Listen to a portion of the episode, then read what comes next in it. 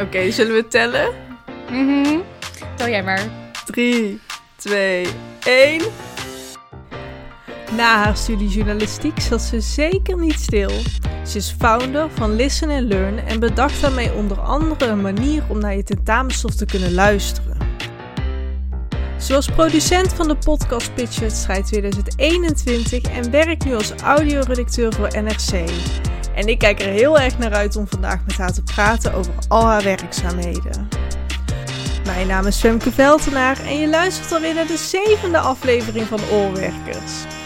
De podcast voor de podcastmakers van de toekomst. Met vandaag de gast, lieve allemaal, Wila Marie Bleeksma.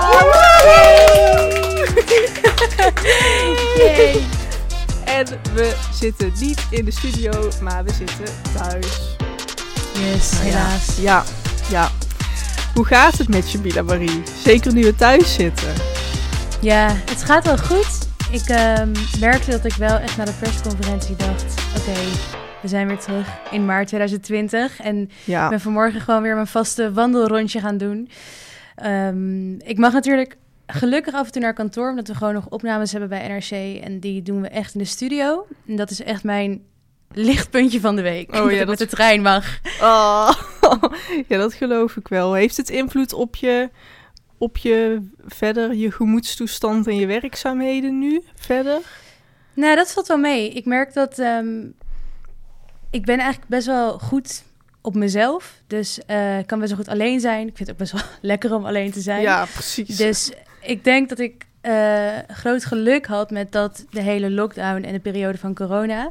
Ehm, met dat niet heel zwaar viel. Ik heb echt vrienden die echt gek worden. Mhm. Dat ze geen sociaal contact hebben. Ja, Dus ja, naast dat ik baal dat ik geen leuke dingen kan doen en dat ik niet onderweg kan zijn, ehm, kan ik eigenlijk zeggen dat ik me redelijk stabiel voel. goed zo. Fijn. Ja, dat, dat is heel uiteenlopend. Maar ik denk ook wel... Ik had bijvoorbeeld ook in de eerste lockdown... Natuurlijk heb je zoiets van... Chips, wat is dit nou opeens? Dit hebben we nog nooit meegemaakt. Maar ik ontdekte ook ergens een soort van ruimte voor mezelf... om eens dingen te gaan proberen die ik anders nooit zou doen. Eh, ja, En daar is dit ook uit ontstaan. Ehm, dus wat leuk. ja, ja, dat is ergens, denk ik ook, ehm, zolang we gezond mogen zijn, familieleden gezond zijn, we allemaal, we zitten warm, we, kopje thee, ja, we moeten er iets van maken, denk ik. Precies. Ja. Als dat je dus lukt, als je zo in elkaar zit, dan ehm, is dat op dit moment, denk ik, eh, nou, helpt dat. Ja, precies, precies. Heb, ja, ik had laatst een gezinslid hier thuis die corona had gekregen. Oh, nee. En toen dacht ik, chips, nu komt het wel heel dichtbij. Ehm, dus ik heb met eigen ogen gezien eh, ja, hoe snel en hoe hard zoiets eh, gaat en hoe ziek je ervan kan worden. Dus eh, Want je hebt helemaal geen corona gehad in de afgelopen anderhalf jaar. nee, nee. Ik, en toen het hier thuis dus begon, toen ben ik naar mijn vriend gegaan en daar heb ik tien dagen gezeten. En ehm, ja, zo, heb, zo ben ik de dans ontsprongen eigenlijk. ja. En hoe ging dat, tien dagen bij je vriend? was even een relatietest. Nee, eh, ja, nee. ehm, eh, kijk, wij zijn allebei studenten en we zitten in een studentenstudio dan van een paar vierkante meter. Je hebt de eh, bank, een bed en naast het bed heb je de keuken. En je hebt eigenlijk, je zit continu in elkaars aura. Dus je zit, zit continu echt in elkaars personal space. Ehm, eh, dus de ultieme test. Maar, eh, en ik was jarig. Eh, oh, joh. ja, op dat moment. Ik was jarig. Ehm, dus ik, kom, ik heb door het glas eh, heb ik mijn familie gezien. En oh man. ze hadden de tuin versierd. En mijn vriend had helemaal zijn best gedaan. En uiteindelijk kijk ik terug en dan denk ik... Wow, wat mag ik toch een gelukkig mens zijn... met hoe we dat op dat moment hebben kunnen oplossen. Dus ja, het was angstig, maar ook... ehm, ik was helemaal van de wap. Maar het was ook wel weer... eh, ja, dan tel je je zegeningen wel, denk ik. Ja, dat Ja, geloof ik. ja. Nou, fijn. Ja, Dat klinkt in ieder geval best goed voor de situatie. daarom, daarom. En nu gaan we er ook samen wat van maken. Eh, Exact. Daarom. Eh, nou, Mila Marie, je hebt journalistiek gestudeerd in Utrecht. Uh, ik, moet, ik moet telkens een beetje lachen, want dan denk ik van... oh, uh, lijkt me heel tof om die en die uit te nodigen. En dan achteraf dan ga ik kijken van... hé, hey, wat heeft diegene nou bijvoorbeeld gestudeerd? Want ja, we maken dit ook voor de studenten. En dan kom ik telkens ook wel op journalistiek uit. Dat heel veel audiomakers toch echt journalistiek hebben gestudeerd. Dus ik kreeg laatst een bericht van... Femke, zou je niet een keer uh, niet met een journalist willen praten? Dacht ik, ja, dat doe ik niet bewust of zo. Maar het is gewoon vaak zo. Je kiest het toch uit? Ja, precies. En je hebt ook journalistiek gestudeerd. En hoe was die tijd voor je? Ja, nou ja, journalistiek gestudeerd. Ik ben um, begonnen aan journalistiek um, in, um, nou, wat zou het zijn geweest? 2016, denk ik. En ik ben daar toen, nou, mijn eerste jaar was echt fantastisch. Ik, ik kwam van de theaterschool, maar ik wilde meer met de echte verhalen in contact staan. Ja, dus ja. ik dacht op een gegeven moment op de theaterschool, dacht ik, fictie is, vind ik heel mooi en heel uh, wonderlijk. En ik denk dat je dat ook erg nodig hebt om je creativiteit aan te boren. Ja. Maar ik dacht alleen maar, wat sta ik hier te doen en te vertellen als er zoveel verhalen zijn van mensen in de wereld die ik, die ik wil vertellen en die um, echt gebeurd zijn. Ik mis erg het contact met de realiteit. Dat klinkt misschien een beetje gek, maar nee, dat, nee. Um, ja, dat vond ik, dat vond ik heel fijn om daarmee aan de slag te gaan. En um, dat viel in mijn eerste jaar schooljournalistiek ook echt op zijn plek. En, maar toen eigenlijk best wel snel, um, in het tweede jaar, toen werd ik aangedragen door een docent bij, bij Blendel, Blendel Audio. Oh, ja, ja. En uh, dat, dat was toen nog een geheim project en daar zochten ze stemmen voor. En dat moesten een beetje jonge stemmen zijn uh, die de artikelen s'avonds konden inspreken van de kranten. En dat kwam dan s ochtends in de, in de app. Ja. En toen ben ik eigenlijk na een half jaar van mijn tweede jaar ben ik um, dat gaan, gaan doen. Of eigenlijk na drie maanden volgens mij al ben ik bij Blendel gaan werken in mijn tweede jaar. Heel veel, drie, vier dagen in de week. Het waren ook nachten. Oh. Um, dus ik kwam dan om vier uur thuis en dan dacht ik, ja, oké, okay, dat college komt wel. Dus ik liep eigenlijk vrij snel een soort studievertraging op daardoor. En ondertussen deed ik ook nog de opleidingscommissie en de Nationale Studentenenquêtecommissie. Dus ik vond eigenlijk alles buiten mijn studie om, vond ik veel leuker dan mijn studie zelf. Ja. En, um, nou goed, dat, uh, ik heb uh, redelijk wat vakken nog tussendoor gevolgd. En uh, ik ben heel erg blij met de mensen die ik ontmoette. Je merkt dan een beetje waar ik naartoe ga. Ja. en um, toen op een gegeven moment um, heb ik een half jaar even pauze genomen. Want ik had dus heel veel gewerkt bij Blendel. Dat was heel intens. En al die commissies. Dat ik dacht, ik ga er even een half jaar uit. En dan begin ik gewoon weer met studeren. Want ik moet die studie af gaan maken. Maar toen ging ik het eerste vak volgen na mijn, um, na mijn ja, break eigenlijk. En daar kwam Listen and Learn uit. Dat was het vak ondernemerschap. Oh. En um, toen, toen pitchte ik daar Listen and Learn. En dat werd super goed ontvangen. Toen dacht ik, ah, ik vind het veel te leuk om niet mee verder te gaan. Ja. En zo zijn... Ik heb nog heel lang ingeschreven gestaan. Maar ik rolde eigenlijk vanaf het, ja, vanaf het ene werk in het andere werk. En ik ging ondernemen. En um, ik heb me volgens mij een half jaar geleden pas echt uitgeschreven. Maar oh. ik denk dat ik al zeker 2,5, 3 jaar niet meer studeerde. Oh ja, ja, ja. Eh, mooi, ik heb meteen weer tien vragen. Ik ga even terug naar mijn eerste vraag. Um, waar ik meteen uh, wat je zegt, dat uh, je bent begonnen met de toneelopleiding, zei je. En dat dat mm -hmm. stukje fictie en het vertellen van verhalen. Ik vind dat, ik vind dat heel tof om te horen, omdat um, um, ik ben bijvoorbeeld zelf uh, de HAVO af gaan maken. En toen dacht ik eigenlijk van ik wil een creatieve MBO gaan doen. Omdat ik gewoon heel graag creatief bezig ben. En toen ergens zocht ik mijn creativiteit ook in een HBO-vorm. En zo kwam ik ook bij uh, het journalistieke werkveld uit. Kreeg je daar wel, je zei in je eerste jaar kreeg je daar, was dat super? Of heb je daar wel de ruimte voor gekregen?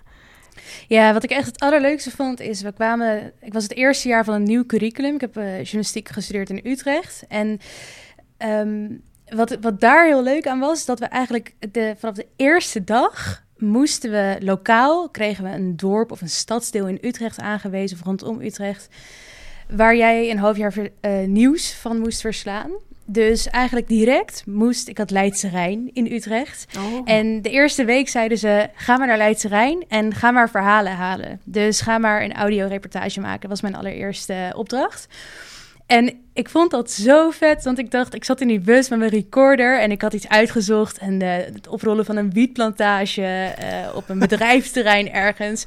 En ik heb het laatste vallig teruggeluisterd en dat was echt heel slecht interview. ik ga alleen maar, kent u die mannen? En die man zegt alleen maar, die buurman, nee. Oh, dus u heeft ze nooit gezien? Nee. en ik alleen maar gesloten vragen. En die man kwam helemaal niet binnen. Maar toen dacht ik, ja, dat lokale journalistiek, dat, dat trok me heel erg. En um, toen dacht ik, dit zijn de verhalen die ik super leuk vind om na te jagen en waar ik mee aan de slag wil. Dus dat zat eigenlijk inderdaad het creatieve, dat zat eigenlijk gelijk goed. Ja, oh ja, heel leuk, heel leuk. En meteen ook dus met audio aan de slag gegaan, maar lag daar ook je grote passie? Nou, niet per se. Ik weet wel dat het niet echt bij schrijven lag. Ik vind schrijven, um, ja, dat ligt me gewoon minder. Ik vind het complexer om te doen. En schrijven is natuurlijk ook de basis van audio als je verhalen vertelt. Maar ik merk het spelen met audio vind ik heel erg leuk.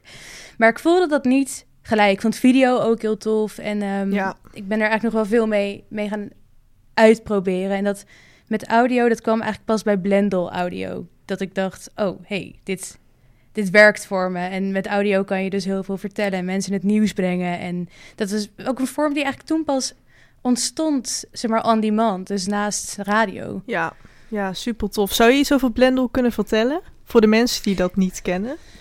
Ja, Blendel is inmiddels alweer verkocht natuurlijk. Ja, dus ja. Blendel uh, was een journalistieke start-up. In, uh, in Utrecht zat het en daar kon je dus um, artikelen kopen. Daar begonnen ze mee. En uh, losse artikelen uit kranten. En daar kon je dan voor 15 cent of uh, eh, 20 cent kon je één artikel kopen. En dat was eigenlijk heel handig, want um, vooral met als je um, mensen die niet echt de krant meer lazen, maar wel online veel wilden lezen, maar niet het abonnement op een krant wilden afsluiten. Daar had Blendel eigenlijk de oplossing voor door de artikelen die in kranten stonden los te verkopen. En Um, daaruit zijn ze dus ook Blendel Audio gaan maken. Dus dan kregen we s'avonds de kranten binnen. En dan gingen we uitzoeken welke artikelen we ja, zeiden van... hey, dit moeten mensen morgenochtend weten. Dus als ze in de auto zitten, dan moet je dit artikel gehoord hebben. En dat gingen we dan, dan gingen we de studio in, rond een uur of 11, 12 s'avonds. En dan gingen we dat inspreken. En dat hadden de mensen de volgende ochtend uh, in hun app. En maar Blendel, dat is dus verkocht op een gegeven moment aan een Frans bedrijf, Cafeïne. Uh, wel onder hetzelfde concept gaan ze nu door, maar uh, echt... Ja, Blendel bestaat nog wel qua naam, maar de, het is niet meer de start-up die, uh, nee. waar ik gewerkt heb. Nee, precies, precies. En is er een verhaal heel erg bijgebleven? Of wat vond je op dat moment heel, heel tof om te doen? Ja, nou, een verhaal wat me denk ik echt is bijgebleven is dat um, het was echt pionieren. Dus we, iedereen daar, ik had twee uh, eindredacteuren en een, uh, een, een, manager daar waarmee we dat allemaal samen maakten. En we moesten gewoon, we hadden een soort in elkaar gezette studio in een hokje met allemaal wandjes eromheen. En ik zat op een hele rare kruk, eigenlijk ook heel ongemakkelijk. en dan gingen we maar inspreken en dan was het overstuurd. Dus sowieso was het heel erg tof dat we alles zelf gingen uitproberen. Maar ik ben nog één keer dat, en we hebben nog steeds discussie over wie schuld het was.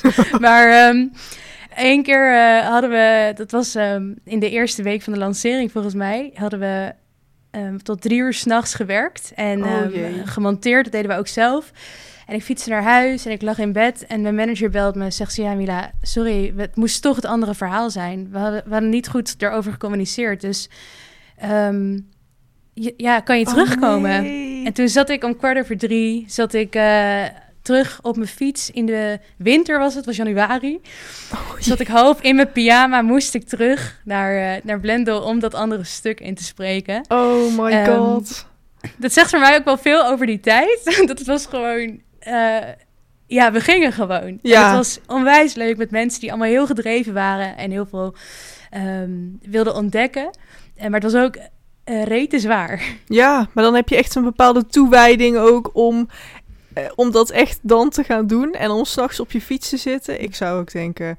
En je, moet, je stem moet natuurlijk het ook wel doen. Aan kunnen. Ja, precies. Ja. Oh jeetje, ja. Wat vet ook wel. Maar ook tof om onderdeel te zijn van iets wat dan opstart en waar je dan zo in meegroeit, lijkt me. Nou, daarom dook ik er denk ik ook helemaal in. Want ik studeerde gewoon, weet je wel. Is Ja. mijn tweede jaar. Maar omdat ik heel erg voelde dat zij met iets nieuws bezig waren... en die ambitie heel hoog lag... en ik daar vanaf het begin bij kon zijn... Ja, ehm, dacht ik, ja, het is me gewoon zoveel meer waard... om hier helemaal in te duiken... dan dat ik nu mijn studiepunten heb. ja, ja. Vind ik wel heel, vind ik wel heel knap. Want ik zou die druk wel heel erg voelen, maar ergens is het. eh, ik vind het heel knap dat je toch je, je gevoel hebt gevolgd daarin. Ja. Ja, mijn ouders waren wel minder blij. Oh jee, ja. die kant heb je natuurlijk ook nog. Ja. Ja, precies. Maar je bent uiteindelijk, eh, vertelde je, Listen and Learn eh, gestart. Daar waren we gebleven. Zou je daar iets over kunnen vertellen? Ja, zeker. Ja, ik, ehm, wat ik net al zei, dat, dat schrijven en ehm, lezen, dat vind ik allemaal, dat, dat gaat prima. Maar ik had er vroeger als kind, had ik daar best wel veel ehm, moeite mee om ervan te leren. Dus om echt om grip op stof te krijgen. En eh, mijn succesvolle manier van leren was eigenlijk sinds de middelbare school al dat ik studiestof insprak en dat ik eh interviewtjes ging opnemen met mijn moeder en dat dan ging terugluisteren. En dat deed ik eigenlijk op de school van journalistiek nog steeds. En toen moesten we iets bedenken, een- een bedrijf bedenken voor ondernemerschap. En, ehm, en toen ging ik nadenken van, oké, wat ik altijd interessant vind is wat mis je zelf? Of wat, ehm, Ja. wat, zou je, wat hoor je om je heen?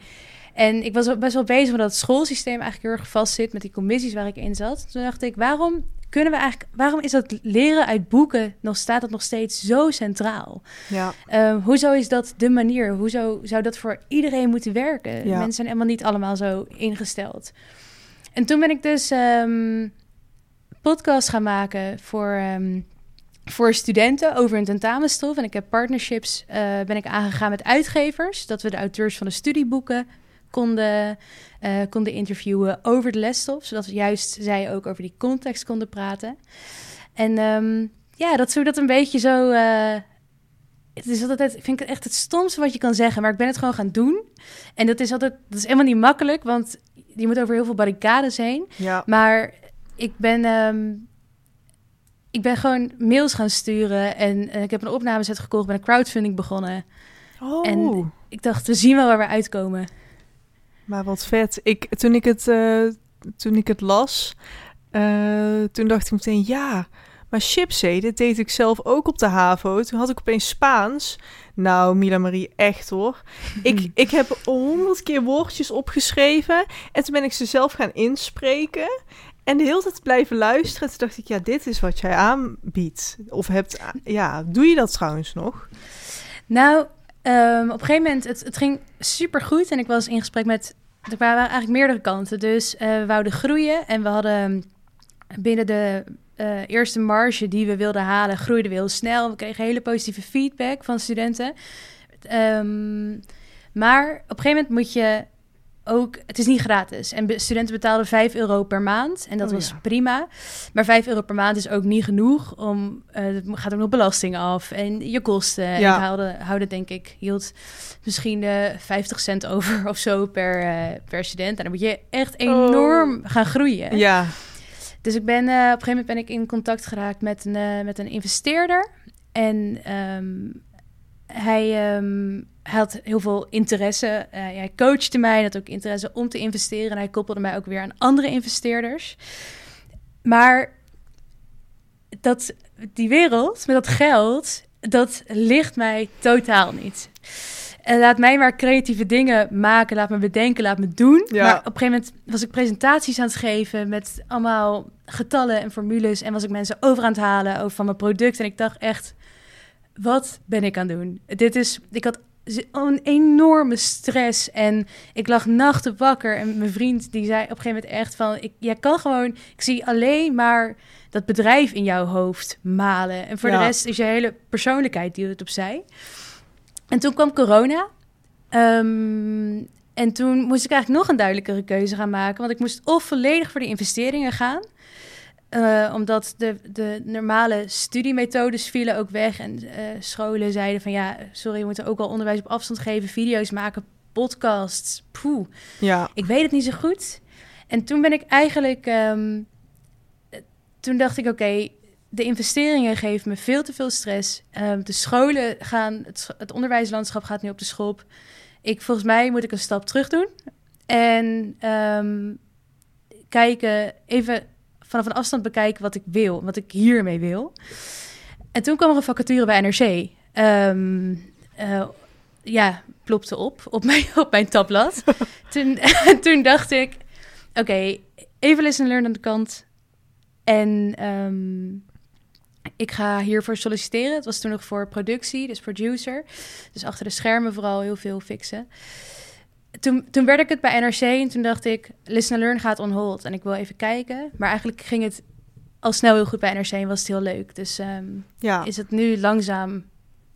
ben ik Listen and Learn af aan het sluiten. Oké. Ik vind het heel knap, want uh, dat stukje ondernemerschap... dat wordt natuurlijk uh, binnen de journalistiek veel aangehaald omdat ze zeggen van hey, denk verder. Je moet uiteindelijk je brood gaan verdienen. En dan reiken ze de studenten zoiets aan om ja, daarvan te proeven. Ik heb het zelf ook gehad, maar uh, dat er daadwerkelijk ook iets uit is gekomen, dat is zo sterk. Dat vind ik zo knap. En uh, ook zeker omdat je zegt van ja, ik ben helemaal niet van de cijfertjes en van dat geneuzel en van dat zakelijke gebeuren. Uh, ja, mooi hoe je vanuit je eigen probleem, op, ja, probleem. Zoiets ja, een probleem. Ja, nou ja, zoiets moois hebt neer kunnen zetten. Ik vind dat zo knap. Uh, alleen dat al is een hele grote overwinning, lijkt me. Ik denk dat je ook vanuit je studie gezien zoveel hebt geleerd van het echt ervaren in plaats van het maar een opdracht laten zijn. Ja, zeker. En ik denk ook, um, je, je moet ook net een soort van een idee hebben wat je op dat moment kan uitvoeren en uh, waar de markt op zit te wachten. En dat was gewoon, ik had het geluk dat dat denk ik een match was op dat moment. Ja. Um, ik doe gewoon heel graag nieuwe dingen en ik vind nieuwe dingen ook heel leuk om te doen en ik hou ook helemaal niet van. Dus dat, ja, dat zit me ook echt wel vaak in de weg hoor. Maar dat um, zo'n schoolsysteem, dan denk ik echt zo, oh jongens, wat gaat dit traag. En ja. zit een docent nu aan de hand van, uh, van een rubriekje. En, en misschien wat hij van mij denkt, is hij nu iets van mij aan het nakijken? Is het echt hoe het werkt? Dus ja dan, ik, ik merk die trigger, die is bij mij altijd op zoek naar iets nieuws. Dus vandaar dat denk ik bij mij de, de stap ook wel weer heel snel gemaakt was om dan iets met Listen and Learn te gaan doen. Dat is ook mijn ongeduld. ja, maar alleen maar, alleen maar in je voordeel, toch? Dat heeft in je voordeel gewerkt. Dus. Nou, in dit geval wel, ja, ja dat is zeker zo. Daarom. Laten we, uh, laten we naar de glazen grabbelpot gaan. Oeh, ja. Ja, misschien is dat wel leuk, want ik... ik uh, ik ben zoveel vragen aan het stellen, heb ik telkens. En dan denk ik, chipsfam, je moet hem niet vergeten. Dus ik pak hem er even bij. Ja. De laatste grabbelpot. Iedereen die een uh, vraag heeft ingezonden, heel erg bedankt. Uh, mocht je zelf een vraag willen insturen, dan kan dat via Allwerkers de podcast op Instagram. Hou de verhalen in de gaten, uh, de stories. En dan kun je zelf je vraag inzenden. En er komen nog toffe gasten aan. Dus. Spannend. Ja. Even kijken. Dat is jammer, want normaal toen Lieven het in het echt ging doen, dat was wel, was wel even next level. Want nu is het net... Kan hij zelf grabbelen? Ja. Ja. Even kijken. De eerste vraag is van Diana. En uh, Diana vraagt, wat wilde je vroeger als kind graag worden? Ik dacht daar toevallig gisteren nog over na. Oh, ja? en dat is dus Cachere. Nee, echt? Oh, ja. zo schattig. ja, en dat had ik redelijk snel bereikt. Op 15e, toen ging ik bij de Albert Heijn werken. maar uh, ja, ik was heel groot kassa-fan. Dus ik had ook bij een... Uh, ik had gespaard um, voor een echte kassa. Toen ben ik in Amsterdam, zat op de Utrechtse straat, zat een kassa-winkel. En uh, toen heb ik ze gemaild, ja, of ik een uh, kassa bij ze kon kopen. En toen was een hele oude, toffe kassa voor mij uh, opzij gezet. Die heb ik voor echt uh, niks over gekocht. Dus uh, nee, ik had vroeger nog niet. Ik had geen journalistieke droom. Ik wou gewoon cashier worden. En dat vond ik het leukste dat er was met mensen praten. En ik vond het iets magisch, ja. Ja, oh, wat grappig, wat leuk.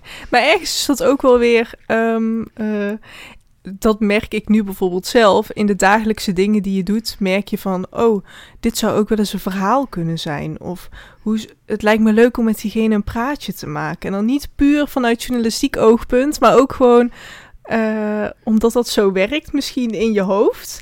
En als, en als ik dan denk aan het cashieren zijn, want dat ben ik zelf ook geweest. Um, dan vond ik dat heerlijk om met mensen te praten. Of om Absoluut. te vragen van, maar hoe gaat het nu met u? Dus dan ergens zie ik die link wel tussen het werkveld waar je nu in bent beland.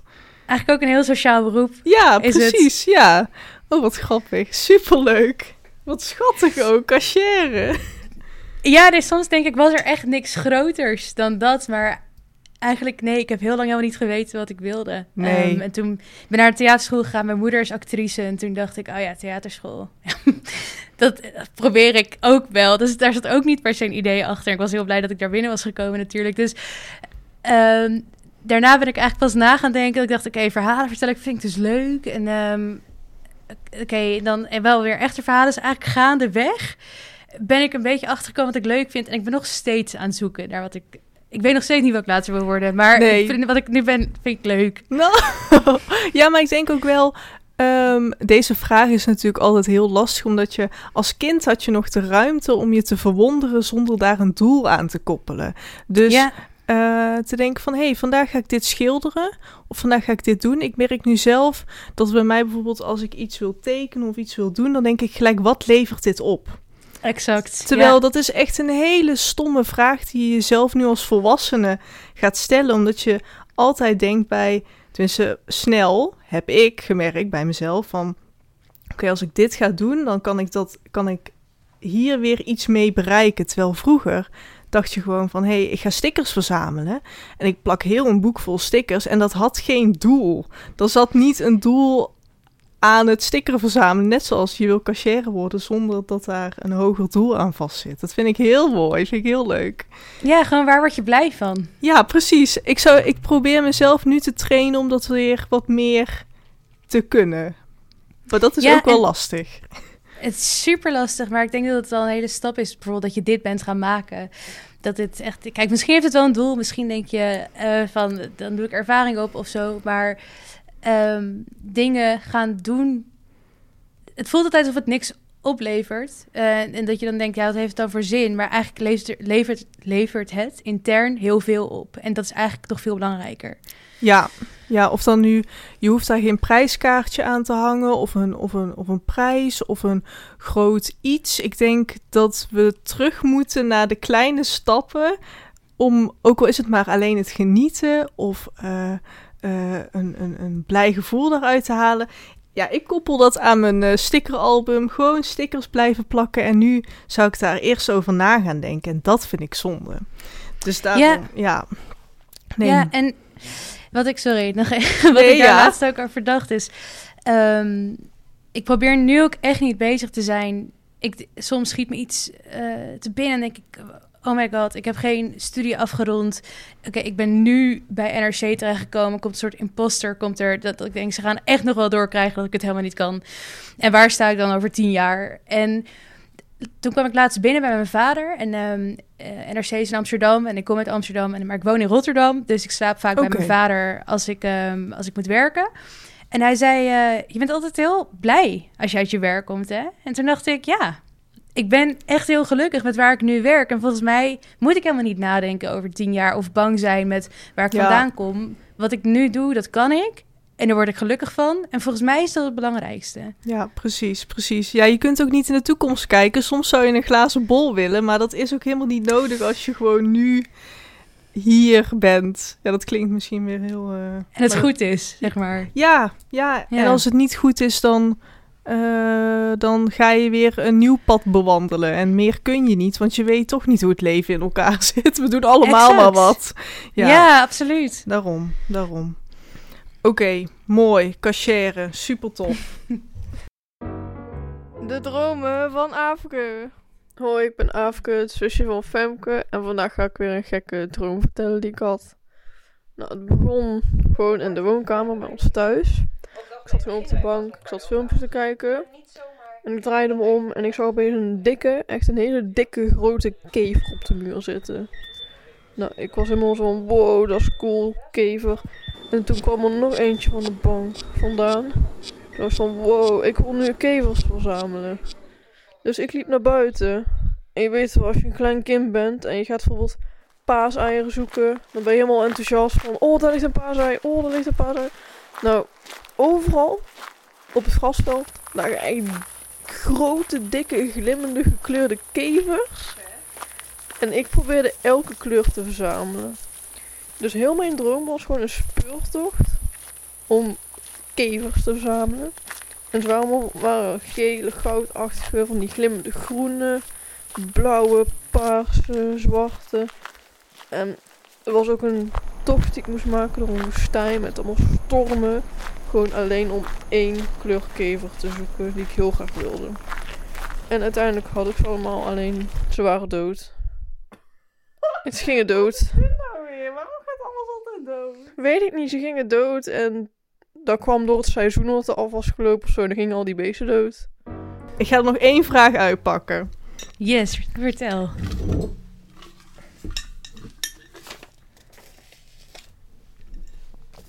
Oh, dit is een, eh, een grote vraag. Maar ik denk dat het gewoon meer is omdat ik hem heel groot heb afgedrukt.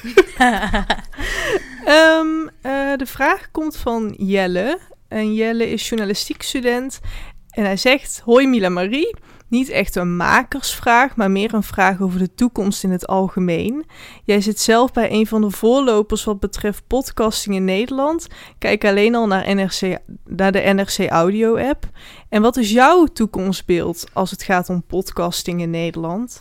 Uh, en dat mag natuurlijk ook wat specifieker, dus bijvoorbeeld over vijf jaar. Denk je dat er dingen anders zullen zijn? Ja, dat is een hele goede vraag. Ik, um, ik vind het heel interessant hoe het audioveld zich ontwikkelt. Vooral omdat uh, de drempel tot audio maken is heel erg laag. Dus uh, in ja. principe kan iedereen het. En het is een beetje vergelijken met bijvoorbeeld um, YouTube soms. Zeg maar, iedereen kan, kan vloggen. Maar um, dat sommige mensen hebben een hele erg niche publiek of doen het om iets te leren en anderen iets te leren. Anderen willen er heel veel geld mee verdienen. Uh, en ik denk die dynamiek is zich nog heel erg aan het ontwikkelen binnen podcasting. Dus wie zijn de grote spelers? Um, wat valt er af? Waar, waar besteden mensen hun tijd aan? Um, en daar ben ik zelf ook heel benieuwd naar, hoe dat over vijf jaar staat ik ben wel heel erg blij met de professionalisering van het landschap. Want um, inderdaad, NRC die is echt, echt een pionier, denk ik, als het gaat om podcasten. Ja. Ook met het lanceren van NRC Audio App. En we hebben een um, behoorlijk grote audioredactie met uh, mensen die gewoon fulltime podcast maken. En ik vind het heel tof om te zien dat er veel um, geld in geïnvesteerd wordt. Alleen is de vraag bij podcast nog, hoe gaat het geld opleveren? Dus ik hoop, wat, mij, wat ik hoop en wat ook wel zou moet, moeten gaan gebeuren, is dat er een verdienmodel komt voor podcasting. En dat kan niet altijd zijn um, reclame, denk ik. Ik denk Mhm. dat het ook in abonnementsvorm moet gaan um, op een gegeven Ja. moment. Of ach, dat het achter een betaalmuur misschien wel komt bij eh, bijvoorbeeld bij kranten. Ehm, dus ik denk dat, dat er een paar elementen zijn. Dat is dat ik denk dat het speelveld nog niet ehm, bepaald is. Ja, En dat, dat, er, ehm, dat er verdienmodellen gezocht moeten worden. zeker. Ehm, maar ik denk dat audio een veel groter onderdeel wordt van ons leven. Kijken veel minder tv. We, ehm, eh, vooral niet lineaire tv. Dus wat we kijken, dat doen we eigenlijk via een streamingdienst. Ja. En ik denk dat dat misschien wel echt gaat concurreren met elkaar. Dus ga je s'avonds uh, een serie kijken of ga je s'avonds een podcast luisteren?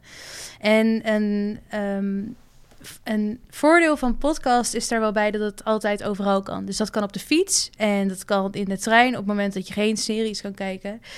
Um, dus ik denk dat het nog een veel grotere rol in het dagelijkse leven gaat krijgen van, van mensen. Um, Ja. En dat, dat hoop ik ook. Ja, Is mooi. het een beetje een bevredigend antwoord? Het is heel breed. Maar... Nee, nee, nee, nee. nee. ik, ik, ik dacht gelijk aan, aan meerdere dingen. Um, uh, je ziet nou ook steeds meer onderzoeken voorbij komen dat ze aan het kijken zijn van hey, hoe kunnen mensen die niet kunnen horen toch genieten van een podcast. Dus ehm, ik denk dat er al veel breder wordt gekeken naar hey, hoe kunnen we dit aanbieden en aantrekkelijk maken voor iedereen, uh, zodat we niemand uitsluiten. Um, uh, en dat stukje qua geld verdienen, ik denk dat daar, daar wordt een heel groot waardeoordeel aan gehangen. Um, en het is inderdaad net zoals met uh, YouTube nu. De eerste paar jaar hang je ergens in het niets. En dan heb je een paar mensen die erop klikken. En iedere klik is al heel waardevol. Maar je moet uh, meer stappen maken en heel lang blijven doorzetten tot het ook daadwerkelijk iets wordt. Omdat je bent nu niet, uh, net als de eeuw van de amateur, de e een van de eerste die daar binnenkomt. Uh, dus zo vroeg iemand laatst aan mij hey Femke, heb je nou al verdiend met oorwerkers of nog niks? En toen dacht ik van, um, hele logische vraag, want daar wordt dus een waarde aangehangen van, oké Femke, heb je iets verdiend of niet? Um, en toen zei ik van, nou, laatst had ik een klein feestje met mezelf, omdat ik dacht, hé, hey, ik heb de duizendste klik bereikt. Ja. Uh, en dat klinkt, maar dat, dat is ergens ook niets Um, uh, maar dat gaat gewoon heel langzaam. En mensen zien, denken van, oh, als je een advertentie hebt, dan speel je mee. Um, uh, en ik denk, doordat de audio, uh, het maken van audio zo laagdrempelig is, dat het het heel mooi uh, maakt. En dat het nu steeds moeilijker is om mee te spelen in die game.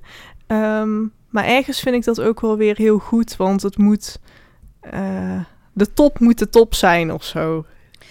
Ja, je moet, je, ja, dat is, je, dat verschil wordt inderdaad denk ik steeds groter. Maar het ja, is ook, exact. wat je zegt, het is heel oké, okay, want um, niet iedereen hoeft er geld mee te verdienen. En juist is het ook heel belangrijk dat er hele mooie dingen gemaakt worden zonder commercieel doeleinde. Um, of zonder dat er, ja, geld binnen moet komen. Maar ja. dat zal jou dus wel altijd... Stel, je werkt gewoon vijf dagen per week... en je maakt deze podcast er nog naast... dan moet het wel jouw tijd erin gaan zitten. Ja, precies. En wat je ook ziet is dat um, NRC Media, dat staat los van NRC als krant en redactie, maar dat is dus een groter mediabedrijf. Um, die heeft ook uh, Sublime overgenomen en ze gaan nu ook samenwerken met De Stroom. Dat is de, een, een podcastbedrijf van Kees de Koning. Um, en op die manier probeert ook NRC Media dat landschap ja, steeds verder in te vullen. Dus dat zie je dat dat nog heel erg bepaald moet worden. En dat de spelers nog heel erg kijken: waar staan we? Hoe gaan we samenwerken? Um, ja, om, om dat landschap langzaam te gaan bepalen. Nu we het uh, toch over uh, NRC hebben. Um, je vertelde zelf al van oké, okay, uh, dat kwam op mijn pad. zou je daar iets meer over kunnen vertellen? Hoe ben je daar ingerold? Ja, um, ik, uh, ik zag een, uh, een vacature daar, uh, dus om, om eigenlijk productie te gaan doen. En ik dacht, nou weet je, ik kan goed organiseren. Ik, kan, ik heb ervaring met podcasts, best wel veel. Ik kon uit die start-up rollen. En ik, denk, ik dacht dat die skills best wel goed toepasbaar waren... Um, om een, een, redactie, zeg maar, productioneel te kunnen faciliteren.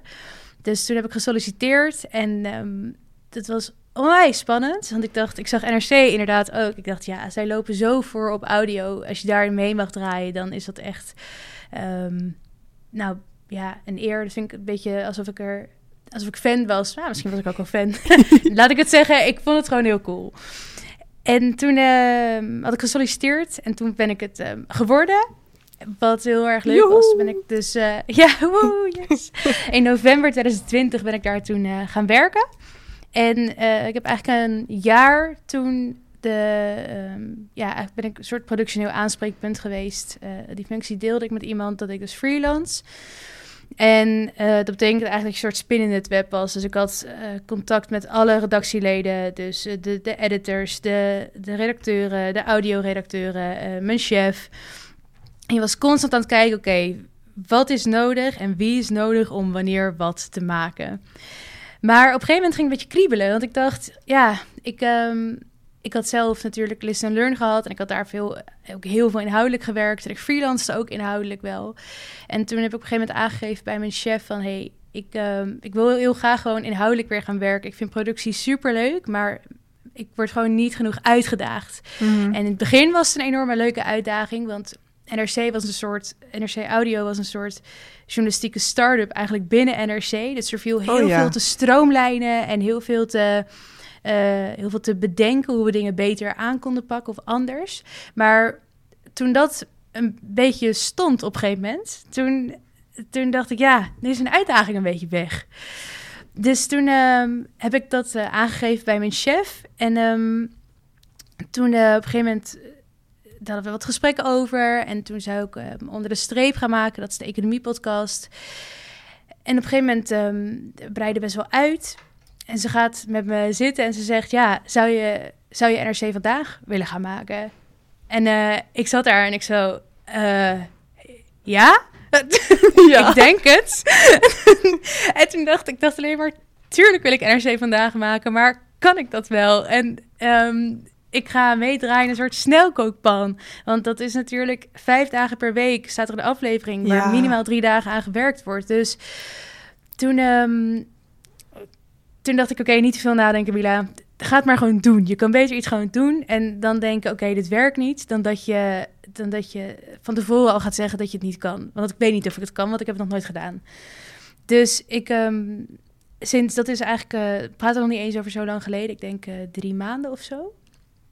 En ehm, toen ben ik mee gaan lopen met NRC Vandaag. En onder de streep alsnog. En dat was eigenlijk vanaf het begin echt een heel groot feest. En vooral omdat ik dus merkte dat ik er heel blij van word. En ik werk met enorm talentvolle mensen die allemaal heel slim zijn, heel veel, heel veel ervaring hebben op het gebied van audio. Dus naast dat ik het heel erg leuk vind, kan ik er onwijs veel leren van de mensen om me heen, van onze redacteuren, van onze presentatoren. Ehm, terwijl ik wel ook fantastisch mooie dingen mag maken. Dus om in de rol van audioredacteur en podcastproducer me te mogen ontwikkelen, vind ik onwijs vet. En ook dat, dat, dat NRC vandaag. Ik was laatst, eh, wanneer was het van de Bijenkorf vorige week? Eh, daar gaat zoveel. De research, het, het, het spreken van mensen, het opbouwen van een verhaal. Dat ik soms. Ik was er vandaag nog die van vandaag aan het luisteren. Daar gaat zoveel tijd in zitten. En normaal bouw je bijvoorbeeld rond één zo'n onderwerp één podcast op. Was dat een Nederlandse zin? Nogmaals, heb je, als je bijvoorbeeld één NRC vandaag, dan zou één iemand een hele podcast omheen kunnen bouwen. Eh, ja, super gaaf. Maar ook lijkt me inderdaad heel spannend om daarin te duiken. Eh, dat heb ik zelf dan soms ook van, oh, kan ik dit wel? Oké, ik ga het maar gewoon doen. Dan zien we het inderdaad wel. Maar nu ben je Ja. natuurlijk eh, profi, eh, professioneel, eh huppakee, echt, echt bezig voor NRC. Dus dat lijkt me heel spannend ook, ja. Ja, en dus ook vanaf 1 januari ga ik in dienst. Dus er kwam ook een contract bovenop. En Ja. toen dacht ik echt, oké, dit kan, het kan natuurlijk, het kan altijd een soort van nog steeds niet werken. Maar voor nu eh, ben ik heel erg blij en ook wel trots. Het contract is ergens ook de bevestiging van, hé, hey, ik kan het. En dat is Ja, al het s- feestje waard. Ik wil me aan hem binden en zij willen zich aan mij binden. Dat Ja. is zeg maar, eh, die bevestiging is heel fijn. Ja, mooier is niet. Eh, mooier kan bijna niet, ja. En ehm, eh, de audiogame van eh, NRC eh, is heel sterk. Waar denk je dat die kracht... Waar ligt die kracht, denk je? Ik denk dat het een combinatie is van ehm, hele talentvolle mensen die super hard werken. Dus ehm er werken, ja, mijn collega's, als ik in een ochtendvergadering zit bij een evaluatie, dan denk ik, dan, dan leer ik elke ochtend. Dus ehm, ik denk de combinatie van slimme, creatieve mensen die journalistiek heel scherp zijn. ehm, en heel hard werken, want het is ook gewoon heel hard werken. De werktijden zijn heel onregelmatig. Soms moet er iets omgegooid worden of is een edit heel erg lang. Omdat het, het, eh, de opname wat niet zo soepel was. Dus ehm, NRC ziet toekomst in audio. En ze hebben gezegd, we gaan hier nu vol in. En ehm, doordat zij... En dat heeft ook weer een wisselwerking. Want als je natuurlijk ergens heel veel geld in steekt... kan je weer goede mensen aantrekken. En ehm, ik denk dat die factoren, als je die samenkomen, NRC was heel vroeg, ze hebben heel vroeg ingezet op audio ehm, en op kwaliteit. En ik denk dat daar NRC heel sterk op dit moment uh, zijn positie in bepaald heeft. Ja, ja, zeker. Ja, ze hebben gewoon ook ingespeeld en heel goed uh, uh, gekeken van... hé, hey, wat is er nu, wat, wat gebeurt er nu eigenlijk in dat audiowereldje? En daar, daar waren ze heel op tijd bij, dus ja, super knap. En tof dat je daar onderdeel van mag zijn. En ja, dat is heel leuk. Ja, super tof. Um, de laatste vraag die ik je nog wil stellen en die ik eigenlijk altijd stel. Um, wat zou jij de makers van de toekomst nog mee willen geven? Ja, wat ik mee wil geven is eigenlijk dat je, um, denk ik, soms door je, door je schaamte heen of door je eigen um, gedachten heen je zal heel vaak denken dat je iets niet kan, of dat je ergens niet goed genoeg voor bent, of dat ehm, wie ben ik om dat te doen. Je loopt vanzelf tegen muren op. En je zal zien dat die muren er ook heel vaak niet per se zijn. Dus dat je, dat je in je hoofd allemaal muren bouwt. En um, ik had op heel veel momenten kunnen denken, bij Blendel toen ik aangedragen werd, had ik kunnen denken, ja, ik weet het niet, ik kan dat niet. Ik, um, en ik had wel natuurlijk het geluk dat ik, uh, dat ik die docent had die me aandroeg. Maar ik had ook in mijn productiefunctie bij NRC kunnen denken: ja, maken. Ja, ik voel wel, het lijkt me echt leuk, maar voel, die mensen zijn allemaal zo goed. Volgens mij kan ik dat helemaal niet. Maar door altijd uit te spreken wat ik zou willen, daar gesprek over aan te gaan met anderen. Um, en op momenten dat ik dacht: kan ik dit te denken, ga maar doen, kom je in ieder geval vooruit.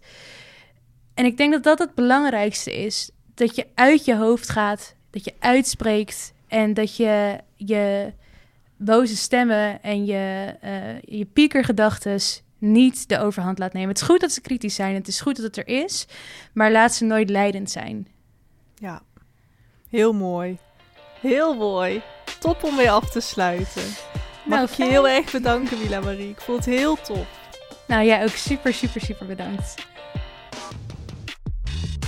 Je hebt zojuist geluisterd naar de zevende aflevering van Oorbergers.